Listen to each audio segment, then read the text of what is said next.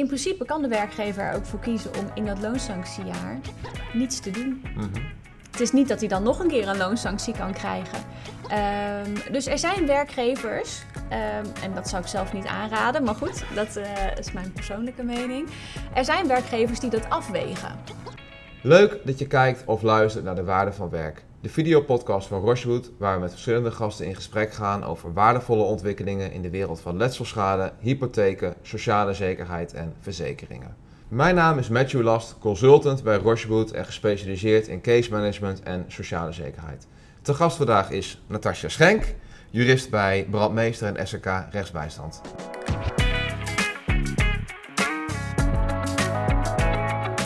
Welkom Natasja. Dankjewel Matthew, leuk dat ik hier mag zijn. Ja, nou, tof dat je hier wilde zijn. Hey, volgens jouw LinkedIn-profiel ben jij eh, jurist sociaal verzekeringsrecht. Uh, je schrijft ook geregeld over Ja. het werk dat je doet. En dat doe je nou ja, blijkbaar op een heel goede manier, want we zien veel reacties. Mensen lezen jouw blogs. Ehm, kun je vertellen, hoe, hoe pak je dat aan? Hoe doe je dat? Nou, laat ik beginnen met, het is ook gewoon een kwestie van doen. En je moet op, op een moment gewoon beginnen en je moet het gewoon doen. Eh, en dat heb ik op enig moment eh, ook gedaan.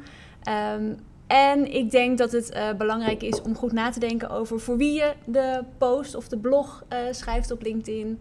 Ehm, en het ook zo te schrijven dat je lezers het begrijpen en dat ze er wat mee kunnen. En je zegt, belangrijk om te beseffen voor wie je schrijft. Hoe ziet jouw doelgroep eruit? Nou, mijn doelgroep is eigenlijk heel divers. Als ik kijk naar de mensen die mij volgen, eh, zijn dat eh reintegratiebegeleiders, ehm, case managers, arbeidsdeskundigen, juristen. eh, maar ook juristen uit verschillende hoeken, dat is ook wel leuk. Het zijn arbeidsrechtjuristen, sociaal verzekeringsrecht, maar ook letselschade. Dus het is heel breed. Ja. En die mensen hebben met elkaar gemeen dat ze allemaal te maken hebben met sociale zekerheid in enige hoedanigheid in hun werk. Ja, ja, en ik zie vooral ehm, eh, dat eh, de berichten over eh, de, de loonsanctie en reïntegratieperikelen eh, altijd goed aanslaan. En de WIA-beoordeling. Hè, de WIA-beoordeling is zo breed, daar zijn zoveel regeltjes voor, ehm, dat mensen dat blijkbaar heel interessant vinden om daar wat over te lezen. En even voor de leek, via beoordeling, wat, wat betekent dat precies? Ja, met de WIA-beoordeling kan een werknemer die bijna twee jaar ziek is eh, bij het UWV een WIA-uitkering aanvragen. Eh, en dan wordt beoordeeld of je arbeidsongeschikt bent in de zin van de WIA. Arbeidsongeschikt in de zin van de WIA. En waar, waar staat de WIA voor?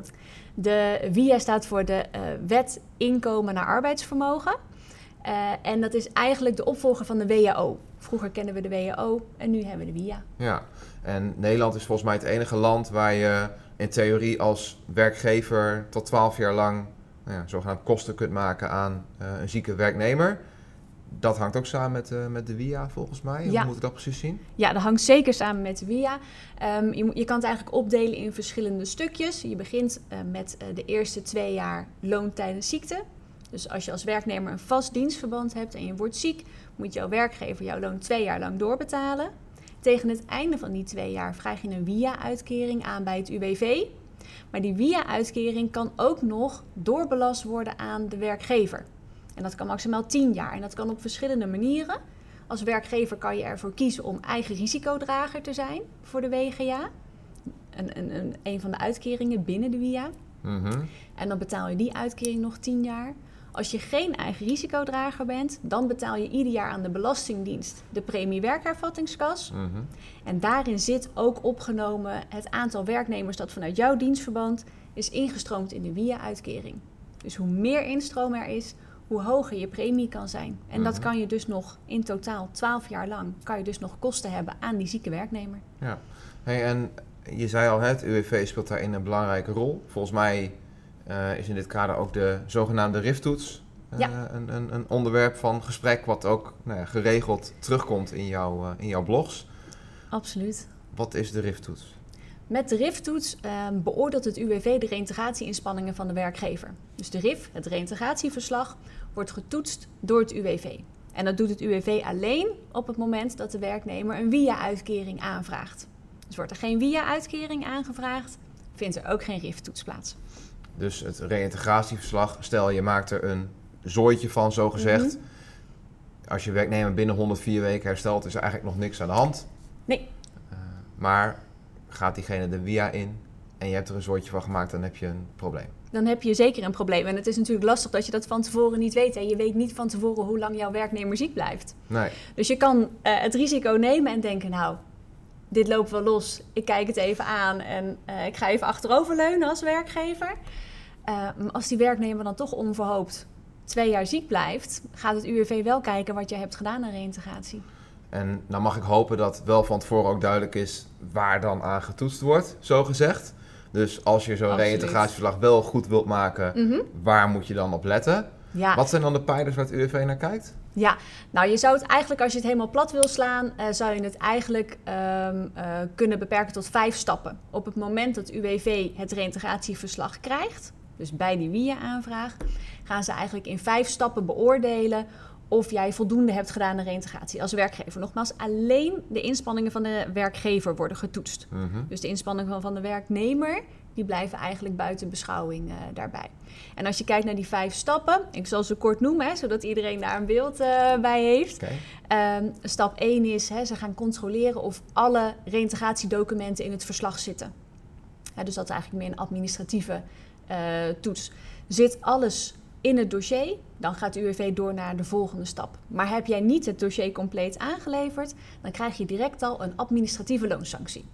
Okay, dus dat zijn bijvoorbeeld uh, probleemanalyse, plan van aanpak, dat soort zaken. Ja, absoluut. Een beetje de, de geëikte uh, reïntegratiedocumenten, uh, ja. die, die moeten er inderdaad in zitten. Heb je dat nou niet direct compleet, krijg je nog wel één keer de kans van het UWV om het compleet te maken. Dan krijg je een brief van het UWV, moet je het binnen één week alsnog compleet maken. Maar lukt dat je niet als werkgever, heb je gewoon een administratieve loonsanctie van 52 weken te pakken. Heb je wel alle documenten opgestuurd? Dan gaat de UWV naar stap 2 en zij kijken dan als eerst naar het resultaat. Is er sprake van een bevredigend reïntegratieresultaat? Dat is wat de UWV daarna bekijkt. Is het resultaat niet bevredigend? Dan kijkt de UWV of je voldoende reïntegratie-inspanningen hebt verricht. Zijn de inspanningen niet voldoende geweest? Dan kijken ze of je daar wat we dan noemen een deugdelijke grond voor had. Heb je geen deugdelijke grond daarvoor, dan kijkt de UWV in stap 5, de laatste stap, of er dan nog herstelmogelijkheden zijn. Kun je die tekortkomingen in de reïntegratie nog herstellen? Zijn er herstelmogelijkheden, dan kan er een loonsanctie worden opgelegd. Dus samengevat, stap 1 heb je een dossier waarin alle stappen die gezet moeten worden zijn gezet. Ja. Dan heb je ze ook op een goede manier. Ge, uh, nee, sorry. Dan heeft het ook geleid tot het resultaat wat verwacht had mogen worden. Ja. Uh, dan wordt gekeken, nou ja, uh, de stappen stuk voor stuk. Wat heb je ermee gedaan? Ja. Um, en als je die goed hebt gedaan, is daar reden toe en kun je het herstellen. Precies. En zo'n beoogd reïntegratieresultaat, zoals je dat dan zei, iemand gaat wel de via in. Dus, dus hoe kan het dan wel een beoogd resultaat hebben gehad? Dat kan ik niet helemaal volgen. Nee, nee wat UWV beoordeelt is, is of er sprake is van een bevredigend reïntegratieresultaat. Mm En bevredigend reïntegratieresultaat is als de werknemer werkt in passende arbeid met een structureel karakter dat aansluit bij zijn functionele mogelijkheden. Dus als dat het geval is, hè, dus de functionele mogelijkheden zijn goed in kaart gebracht door de bedrijfsarts, daar begint het dan al bij en je hebt passend werk gevonden dat daar naadloos op aansluit en je kan die werkzaamheden ook structureel blijven doen, dan wel bij je eigen werkgever. Dan wel via een spoor 2 traject bij een andere werkgever. Dan zeggen ze dit was een bevredigend resultaat. Mhm. Maar ben jij gereïntegreerd in werk dat misschien wel passend is, maar tijdelijk is, heeft het geen structureel karakter, is het ook geen bevredigend reïntegratieresultaat. Dan hadden we de derde stap. Ehm, en daarin uh, zei je, moet je me waarschijnlijk even op weg helpen, dat ze ook gaan kijken van zijn de reïntegratie inspanningen als zich uh, voldoende. geweest. Ja. Wat is daar dan een voorbeeld van? Uh, in dat kader kijkt het UWV eigenlijk naar drie dingen. dus de inspanningen worden beoordeeld aan de hand van... heb je spoor 1 voldoende onderzocht? Mm Heb je een adequaat spoor 2 traject gestart? En heb je indien nodig sanctiemaatregelen toegepast? Aha. Dus spoor 1 is herplaatsing binnen de eigen organisatie, al dan niet eigen functie. Spoor 2 is buiten de organisatie. En de sanctiemaatregelen liggen denk ik in het verlengde van wat je zei over we toetsen alleen maar de inspanning van de werkgever, niet die van de werknemer. Die spelen natuurlijk wel een rol. Mhm. Dus als een werknemer niet doet wat hij zou moeten doen, dan moet je sanctioneren, beste werkgever. Klopt dat? Absoluut. Ja, klopt helemaal. Ik lees goed jouw blogs, hè? Dan krijg je dat. Dan weet je Dan het. kan ik het volgen, ja. En dan zei je inderdaad deugdelijke gronden. Ja, een deugdelijke grond. Kijk, je moet als je dat stappenplan ziet, hè, ehm, ten eerste dus die documenten zijn eh, gecheckt, alles zit erin. Er is geen bevredigend resultaat. Dan gaat UWV door naar de volgende stap. Zijn de inspanningen voldoende? Als die inspanningen niet voldoende zijn, dan gaan ze kijken naar een deugdelijke grond. Een deugdelijke grond, ja, dat is er bijna nooit. Moet ik heel eerlijk zeggen. Eh, maar wat wel een voorbeeld is van een deugdelijke grond, is bijvoorbeeld een inadequaat deskundige oordeel. Stel nou dat jij gedurende het reïntegratietraject met jouw zieke werknemer een deskundige oordeel bij het UWV hebt gevraagd. En uit dat deskundige oordeel blijkt, joh werkgever, je zit helemaal op de goede weg. Lekker doorgaan zo, het gaat helemaal goed. En jij gaat uit van de juistheid van dat deskundige oordeel. Dus jij gaat op diezelfde weg verder. Dan mag je er ook op vertrouwen dat als er verder niks verandert in de situatie bij die werknemer, dat jij na twee jaar ziekte geen loonsanctie krijgt. Mhm. En dan kan het UWV niet na twee jaar zeggen: Oh ja, maar dat deskundige oordeel, ja, dat was eigenlijk niet goed. Eigenlijk deed je het toen ook al niet goed, dus je krijgt nu een loonsanctie. Dat is een deugdelijke grond. En stel dat de bedrijfsarts in gebreken is gebleven. Dus je hebt een, een, een functiemogelijkhedenlijst, FML Ja. volgens mij ook wel. Ja. Nou ja, ik kan me voorstellen, niet iedereen is even goed in staat om dat op waarde te beoordelen. Dus stel jij vertrouwt op de kundigheid van de bedrijfsarts en na twee jaar blijkt dat die FML niet voldoende is. Mhm. Is dat dan ook een deugdelijke grond? Nee, nee, is geen deugdelijke grond. En dat zou je misschien wel denken. Hè, want als werkgever eh, mag je heel veel dingen niet weten. Mhm. Hè, voor heel veel dingen ben je afhankelijk van bijvoorbeeld de bedrijfsarts. En dan moet je er maar op vertrouwen dat hij het goed doet. Maar als die bedrijfsarts het niet goed doet, hè, hij maakt een verkeerde inschatting van de belastbaarheid van die werknemer, dan komt dat voor rekening en risico van de werkgever. Gaat best ver. Ja, ja. Nou, heel veel even preken voor eigen parochie. Beste werkgevers, heel veel redenen om een case manager in te huren die eh, zijn of haar vak verstaat. Want dan kun je die bedrijfsarts kritisch bevragen als een FML wat open eindjes laat. Ja, Toch? absoluut. Ja, helemaal mee eens. Want je ziet ook dat daar best wel veel loonsancties op komen. Hè, dat de verzekeringsarts van het UWV bij de WIA-beoordeling een andere inschatting maakt van de belastbaarheid dan de bedrijfsarts. En dan sta je eigenlijk al, nou ja, bijna 10-0 achter. Ja, Eh, want de kans op een loonsanctie is dan echt heel erg groot. En jij kan je als werkgever niet verschuilen achter het oordeel dat jij hebt gekregen van de bedrijfsarts. nee. En dan ga ik je zo nog even kort die loonsanctievragen uit te leggen. Maar eerst nog even dan stap 5. Mhm. Je zei de vijf stappen zijn er reparatiemogelijkheden. Wat houdt dat dan Ja, in? Nou, dat heeft ook te maken met de aard van de loonsanctie. Eh, de loonsanctie, hoewel werkgevers dat altijd voelen als een boete, en dat snap ik ook, maar het is juridisch gezien geen bestraffende sanctie. Het is een herstelsanctie. En nou, dat, dat lijkt misschien eh, op hetzelfde neer te komen, maar juridisch gezien is het echt anders. Ehm, eh, het doel van de herstelsanctie is namelijk dat de tekortkomingen die zijn geconstateerd, dat je die gaat herstellen. Dus UWV moet wel kijken of er dan ook daadwerkelijk herstelmogelijkheden zijn. Mhm. Dus je kunt je voorstellen dat op het moment eh, van de WIA-aanvraag en dus ook van de RIF-toets, als de werknemer op dat moment geen benutbare mogelijkheden heeft, zij is echt eh, bedlegerig of opgenomen in, eh, in een ziekenhuis of instelling, ehm, en de verwachting is ook dat dat nog wel drie maanden zal aanhouden, dan kun je helemaal niks repareren, want je kan helemaal niet met die werknemer aan de slag met reïntegratie. Mhm. Dus dan kun je niks repareren als het gaat om de reïntegratietekortkomingen. Dan zijn er geen herstelmogelijkheden. En dan mag het UWV ook geen loonsanctie opleggen. Nee. Dan is de enige vraag die je zelf als werkgever kunt stellen... hadden we niet eerder een IVA moeten aanvragen? Maar dat is een heel ander verhaal natuurlijk weer. Ja, Laten we daar even wegblijven voor nee, nu. Nee, Reden om je nog een Nee, keer uit te nodigen. ja. Ehm, maar het, het kan dus niet zo zijn, als ik je goed beluister... dat er wel reïntegratiemogelijkheden zijn. Mhm. Eh, dat een werkgever daar gewoon te weinig aan doet.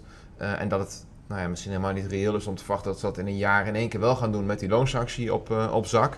Ehm, dan volgt wel de loonsanctie. En als dan na dat jaar nog steeds niet dat gedaan is wat nodig is, Ja, grappig. Die vaak, eh, vraag krijg ik echt veel vaker. Ehm, in principe kan de werkgever er ook voor kiezen om in dat loonsanctiejaar niets te doen. Mhm. Het is niet dat hij dan nog een keer een loonsanctie kan krijgen. Ehm, dus er zijn werkgevers, ehm, en dat zou ik zelf niet aanraden, maar goed, dat eh, is mijn persoonlijke mening. Er zijn werkgevers die dat afwegen. Hm. Hè, die denken, hè, ik heb misschien een werknemer met een klein dienstverband en een laag loon. Misschien is het wel veel eh, gunstiger voor mij om die loonsanctieperiode gewoon uit te zitten. En die werknemer wel het loon te betalen, hè, dat, dat spreekt voor zich. Ehm, maar dat is misschien goedkoper dan wanneer ik eh, een reintegratiebureau moet inschakelen en een arbeidsdeskundige. Ehm, en die denken, nou, ik neem een verlies. Ik betaal het loon door tijdens die sanctieperiode, maar ik doe verder niks. Nee. Dat, dat kan, ik zou het niet aanraden. En als werknemer kun je ook nog wel eh, proberen je werkgever in, ehm, in beweging te krijgen. Hè, door te zeggen, werkgever, je hebt een reintegratieverplichting. en ehm, misschien wil ik dan wel eh, een extra hoge vergoeding als ik hier toch uit dienst moet. Want werkgever, jij hebt steken laten vallen. Maar vanuit het UWV kan er niet nog een keer een loonsanctie worden opgelegd. Dat niet. Nee. En volgens mij gaf je nu het antwoord al op wat is de loonsanctie. Dat betekent, je moet nog het loon van de werknemer doorbetalen. 70% dan? Of? Nou, eigenlijk die loonsanctie heeft eh, drie consequenties. Dus als uit eh, die vijf stappen komt, eh, werkgever moet een loonsanctie krijgen, dan verlengt dat de verplichting om het loon door te betalen. Dus die verplichting staat eigenlijk op 104 weken. Die Mhm. wordt dan met 52 weken verlengd. De reintegratieverplichting wordt verlengd met 52 weken. En het opzegverbod tijdens ziekte wordt met 52 weken verlengd. Oh ja. Dus het zijn drie verplichtingen die, eh, die worden verlengd. Loondoorbetaling, reintegratieverplichting en het opzegverbod. Dat wordt allemaal, eh, wordt allemaal verlengd. Helder. Nou, de RIF-toets mooi uiteengezet. Ik snap ook waarom het een belangrijk onderdeel is in het hele traject.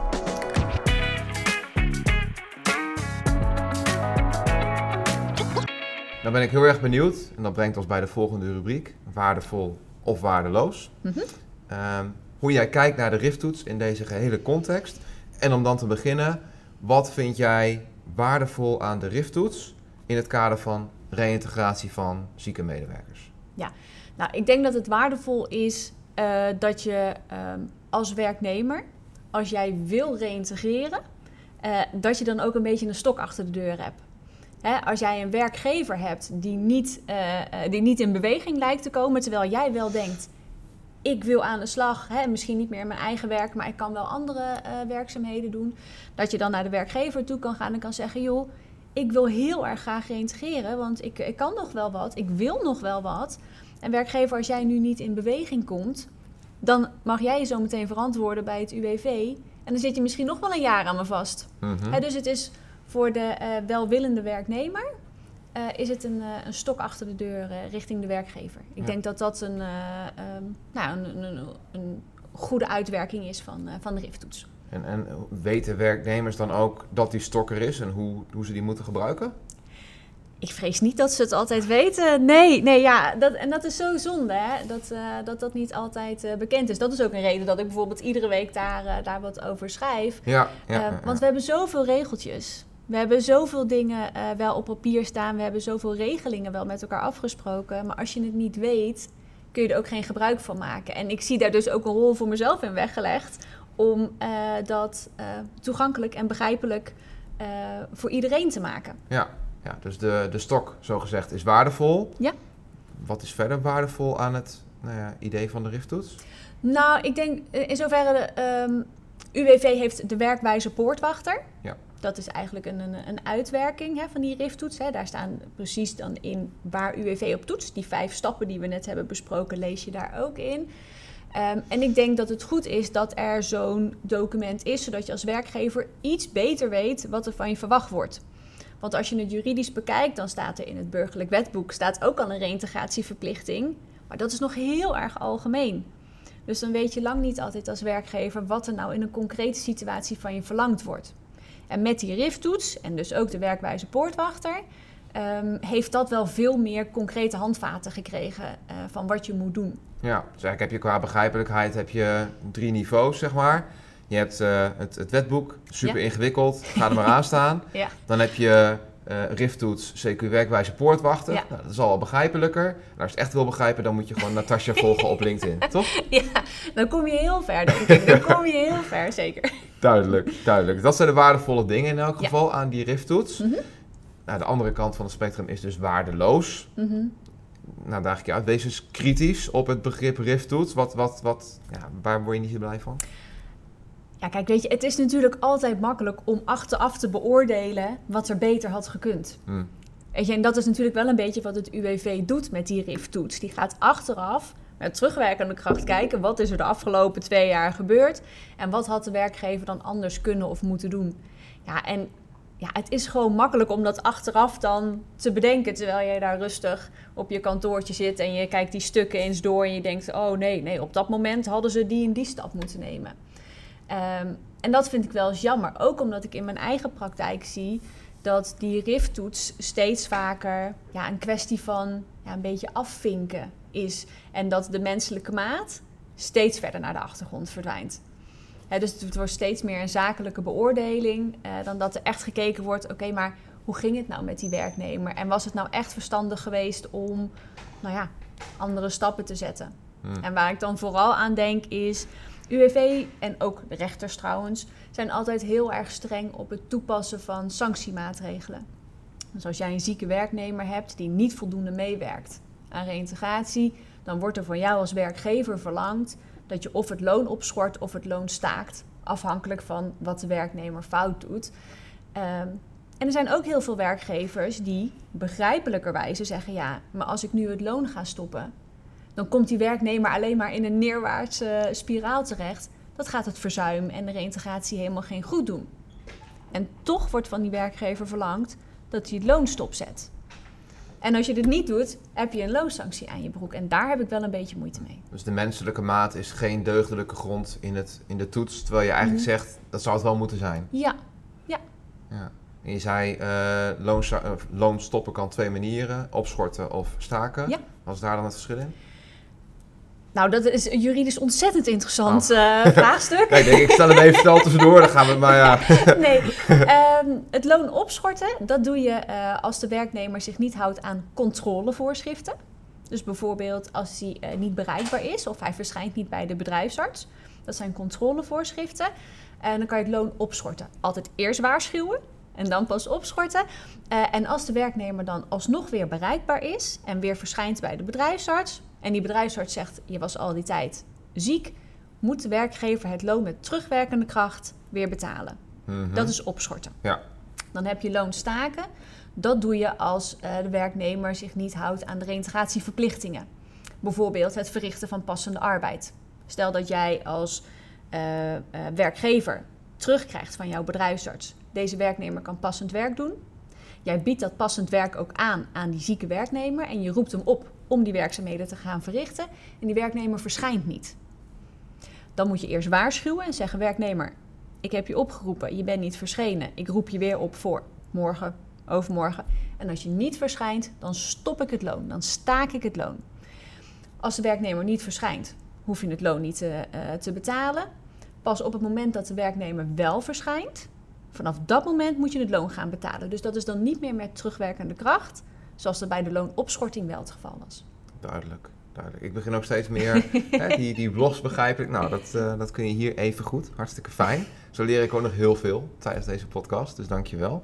Ehm, waardeloos is dus wat je zegt, ja, het is makkelijk beoordelen achteraf. Mhm. Ja. Andere dingen waarvan je zegt, dat eh, vind ik niet helemaal top.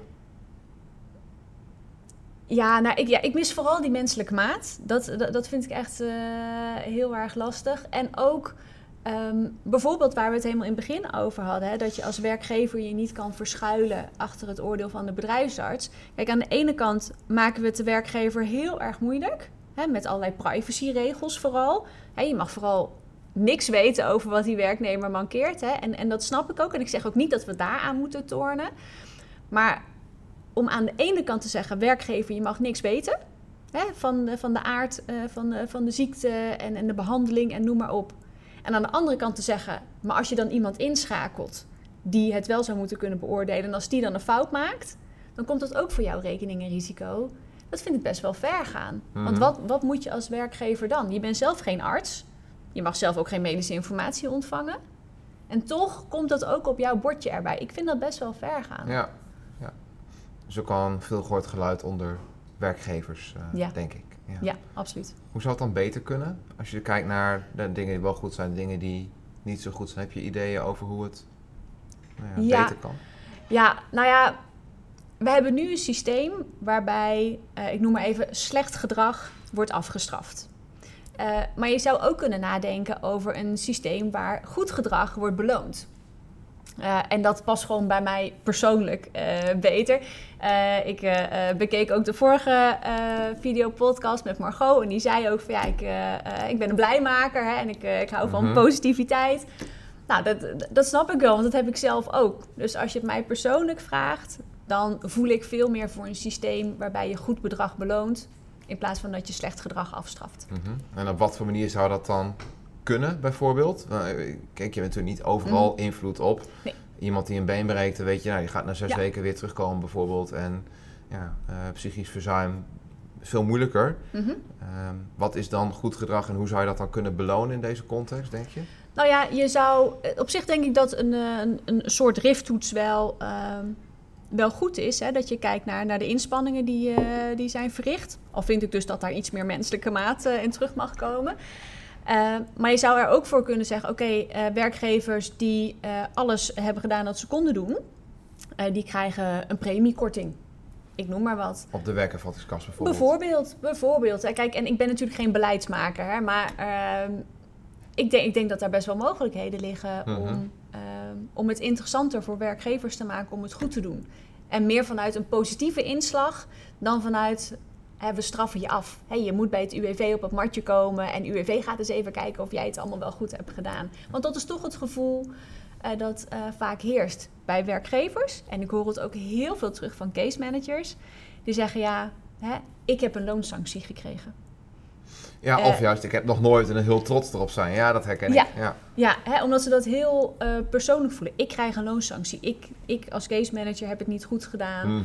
Ehm, het is zo negatief. Ja. En dat, Ja, ik, ik, ik kan volgen wat je, wat je zegt. Ehm, nog eentje die in me opkomt, naar aanleiding Mhm. wat je vertelde, een kleine zijstap. De rifttoets is na 104 weken. Mhm. Ehm, zou dat ook op een eerder moment al kunnen of moeten? Of is na 104 weken een logisch en prima moment?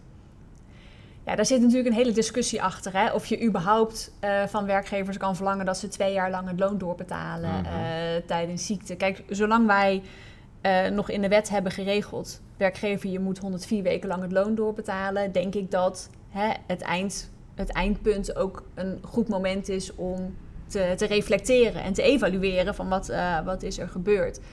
Maar er is natuurlijk vanuit, eh, vanuit werkgevers vooral een vrij sterke roep naar verkort die periode. Nou, twee jaar is echt lang. Dat, eh, zeker voor kleine werkgevers is dat soms bijna niet op te hoesten. Er zijn werkgevers die daaraan onderdoor gaan, Hmm. eh, financieel gezien. Ehm, dus als je die, die periode niet aanpast, ja, dan zie ik ook niet direct aanleiding om die rifttoets te vervroegen. Al denk ik wel dat het mooi zou zijn als er bij UWV eh, meer capaciteit zou komen om ook wat makkelijker gedurende die 104 weken een oordeel te vragen aan het UWV. Deskundige oordeel. En deskundig oordeel, dat hebben we nu inderdaad eh, ook al. Eh, maar er gaat vaak veel tijd overheen, hè? Hmm. Eh, op het moment dat jij denkt, hé, hey, ik loop ergens tegenaan en ik weet niet of ik op de goede weg zit met de reïntegratie, ga je een deskundig oordeel aanvragen. Maar ik hoor dat het soms wel weken of maanden duurt voordat je dat deskundige oordeel hebt. Ja, en, dan, en wat ga je dan in de tussentijd doen? Hè, als werkgever, als je toch een beetje met de hand in het haar zit en denkt, wat moet ik nu?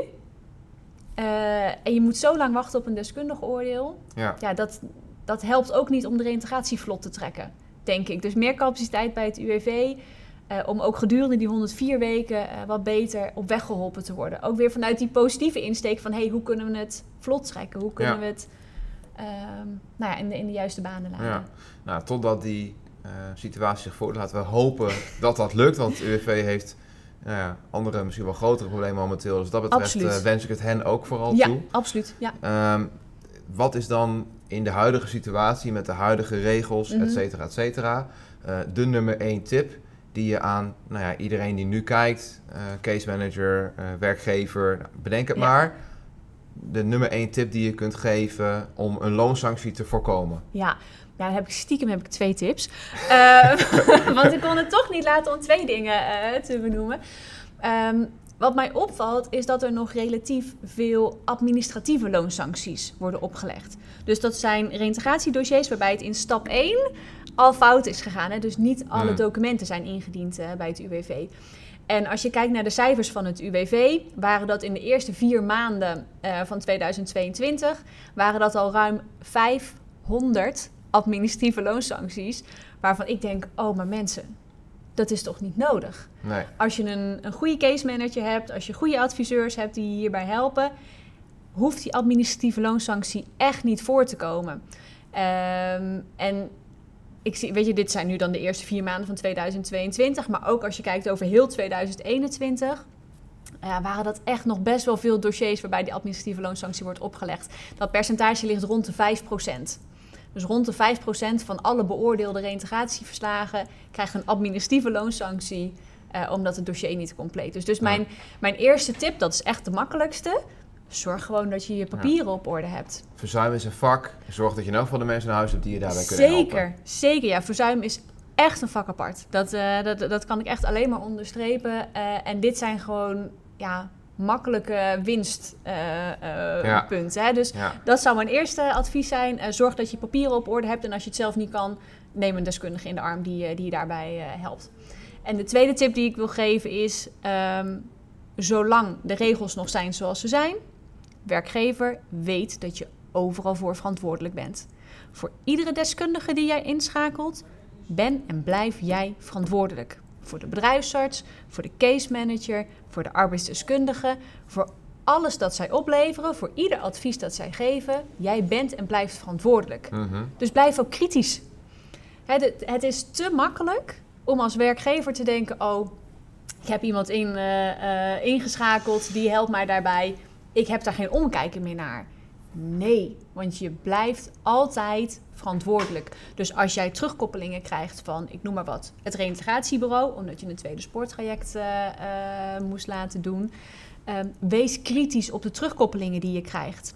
En dat kunnen hele concrete dingen zijn. Hè? Bijvoorbeeld, zie jij daarin dat er een vertaalslag wordt gemaakt eh, van de beperkingen naar bemiddelbare beroepen? Wordt er voldoende gesolliciteerd? Ehm, als jij weet dat jouw werknemer een, ehm, de, de Nederlandse taal niet goed machtig is, wat, wat doet het reintegratiebureau daarmee? Wordt daar extra tijd en energie in gestoken? Misschien een taalkursus? Als werknemers eenzijdig zijn opgeleid, wat wordt er gedaan aan nou ja, eh, cursussen? Ehm, wat wordt er gedaan aan begeleiding eh, bij het opstellen van een cv? Als mensen al 40 jaar bij hetzelfde bedrijf werken, die hebben waarschijnlijk al heel lang geen cv Ja. meer opgesteld. Dus je moet heel kritisch kijken naar de rapportages die je krijgt. Ja, ja.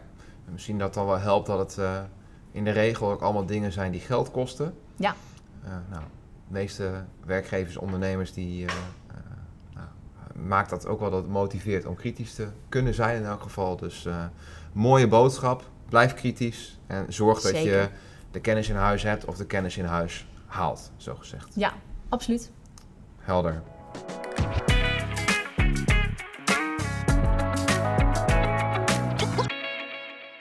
De laatste rubriek die wij eh hadden met onze gasten bespreken Mhm. is de rubriek toekomstwaarde.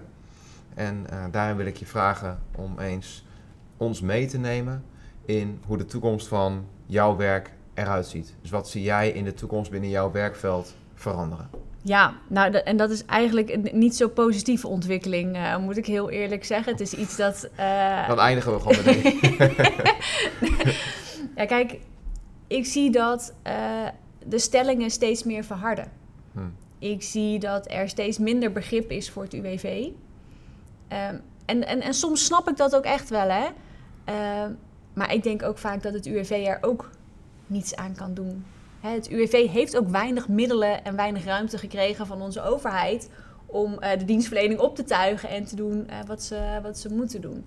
Ehm, maar iets heel, nou, heel, heel actueels is natuurlijk uh, de achterstanden. Als het gaat om de WIA-beoordelingen, het duurt allemaal heel erg lang. Mensen moeten daar heel erg lang op wachten. En natuurlijk moet dat probleem opgelost worden, dat, dat, snap ik. Um, maar het aantal ingebrekenstellingen dat ik de laatste maanden heb verstuurd... Ja, dat is zoveel meer dan dat ik dat in de afgelopen jaren heb gedaan. Je merkt dat bij werkgevers en bij werknemers... Ja, dat die ja, dat, ook de houding ten opzichte van het UWV verhardt. Waar ik vroeger, uh, als ik daar met een werkgever of een werknemer over sprak, van joh, het UWV heeft meer tijd nodig en ze vragen ons nu om verlenging van de beslistermijn, want het duurt gewoon allemaal langer. Waren we vroeger veel eerder geneigd om te zeggen: Oké, nou ja, het, het is ook druk of het is ook een complexe zaak. Ik geef toestemming om de beslistermijn te verlengen. Zie je nu dat mensen direct zeggen: ik werk helemaal nergens aan mee. UWV is streng voor mij. Ik ben streng voor het UWV. Als zij zich niet houden aan de beslistermijnen, ga ik geen toestemming geven om die beslistermijn te verlengen. Ik ga direct een ingebrekenstelling sturen, want dan moet UWV mij een dwangsom, een vergoeding betalen. Want, want wat is een ingebrekenstelling? Een ingebrekenstelling, uh, uh, dat is weer een mooi juridisch woord dat we hebben bedacht. om het voor iedereen lekker laagdrempelig te houden. Uh, nee, je kan gewoon een formulier gebruiken op, het, uh, op de site van het UWV. Uh, het is een formulier melding te laten beslissing. Dat is de ingebrekenstelling. Mm. dus je kan het formulier gebruiken op de site. Of je kan gewoon een briefje sturen. En daarin zeg je UWV, ik stel je in gebreken. Mm -hmm. want je had op datum X moeten beslissen -hmm. op mhm. mijn aanvraag of op mijn bezwaar. Dat heb je niet gedaan. Die termijn is inmiddels verstreken, dus je bent in gebreken. En je bent mij een dwangsom verschuldigd. dus je moet mij een vergoeding betalen als je niet binnen nu en twee weken alsnog een beslissing neemt. En die dwangsom, hangt die dan samen met de doorbetaling van loon of dergelijke? Of, of is dat... Wat, wat, wat? Nee, die dwangsom, eh, nogmaals, is gewoon een vergoeding... Uh, die afhangt van het aantal dagen dat het UWV te laat is. Hmm. Dus vanaf het moment dat de ingebrekenstelling is verstuurd je briefje of dat formulier dus, uh, heeft UWV twee weken de tijd om alsnog een beslissing te nemen op jouw aanvraag of op jouw bezwaar. Mm uh, en als ze dat niet doen, dan moeten ze voor iedere dag die ze te laat zijn een vergoeding betalen. En dat is, dat is gewoon een staffel. En die staffel die loopt tot een maximale vergoeding van 1442 euro. En dan de laatste vraag. Hoe komt het dat de situatie zo verhardt, denk je? Ja, vind ik een beetje moeilijk om te duiden als ik heel eerlijk ben. Hè? Waarom, waarom verharden die, uh, die stellingen? Ik durf het niet zo goed te zeggen, eerlijk gezegd. Weet je, ik weet wel dat er natuurlijk in de media ook veel te doen is om het UWV. Um, ehm, veel mensen die uh, de systematiek ook oneerlijk vinden. Nou, daar kunnen we ook nog een hele podcast aan wijden. Maar, Gaan we doen. Uh, dus mensen hebben daar al een idee bij. Hè, van UWV is veel te streng, terwijl hmm. UWV het allemaal zelf niet bedenkt maar onze overheid. Precies, precies. Um, en ik kan me voorstellen dat de hele kinderopvangtoeslagaffaire daar ook een rol in speelt. Hè? Mensen hebben gezien dat de overheid lang niet altijd handelt zoals ze zou moeten handelen. Mm -hmm. Uh, en dan zien mensen denk ik toch vaak de overheid als één geheel. Hè? De Belastingdienst, het UWV, de gemeente, de overheid. Uh, die, uh, die rommelt maar wat aan, die doet maar wat en die houdt zich niet aan de regels. Nou, als zij zich niet aan de regels houden, dan ga ik die vergoeding claimen. Ja. Maar goed, dat is een beetje gissen van mijn kant hoor. Snap ik. Maar je maakt wel de cirkel daarmee heel mooi rond. Omdat je namelijk, toen we eigenlijk vanaf de andere kant gingen kijken, je zei ik mis soms wat de menselijke maat in de deugdelijke gronden. Ja. Andersom zeg je nu eigenlijk, beste werkgevers, case managers, whatever ook bij jullie blijft die menselijke maat erin houden en heb ook enigszins begrip voor het feit dat UWV een uitvoerdersinstantie is die ook maar moet doen wat hen is opgelegd en ook op dit moment omkomt in het werk. En laten we met elkaar iets liever zijn, zo gezegd. Ja, ja, ja. ja. dat van een jurist. Nou, dat van een jurist. Dat is een mooi einde. ja, denk ik ook. Heel goed. Nou, dankjewel. Enorm fijn dat je hier hebt willen zijn. En uh, dank voor je mooie waardevolle verhaal. Uh, wat in elk geval voor mij weer heel verhelderend is geweest. En hopelijk ook voor, uh, voor onze luisteraars en, en kijkers. Um, voor mensen die meer willen weten, willen lezen, willen leren van Natasja. Nou ja, volg haar vooral op, op LinkedIn. Ik denk dat heel veel onder jullie dat al zullen doen. Doe je het nog niet, dan is het mijn nummer één tip. Ik hou het wel bij één. Nou, ik hou het er niet bij één tip, trouwens. Want de tweede is natuurlijk, ja, leg ook verdere connecties via LinkedIn. Uh, volg Rochewood uh, voor jou, de pagina waarop wij uh, onder meer ook deze podcast natuurlijk gaan, gaan delen. maak eventueel connectie met mij op het moment dat je denkt dat, dat ik iets voor jou kan, kan betekenen. Um, maar blijf ons in elk geval volgen via alle kanalen die er zijn. Zo ook onze website, uh, en natuurlijk ook inmiddels via Spotify. Dus mocht je deze podcast luisteren, abonneer je dan vooral. Blijf ons volgen. En heel graag tot de volgende keer. Dankjewel.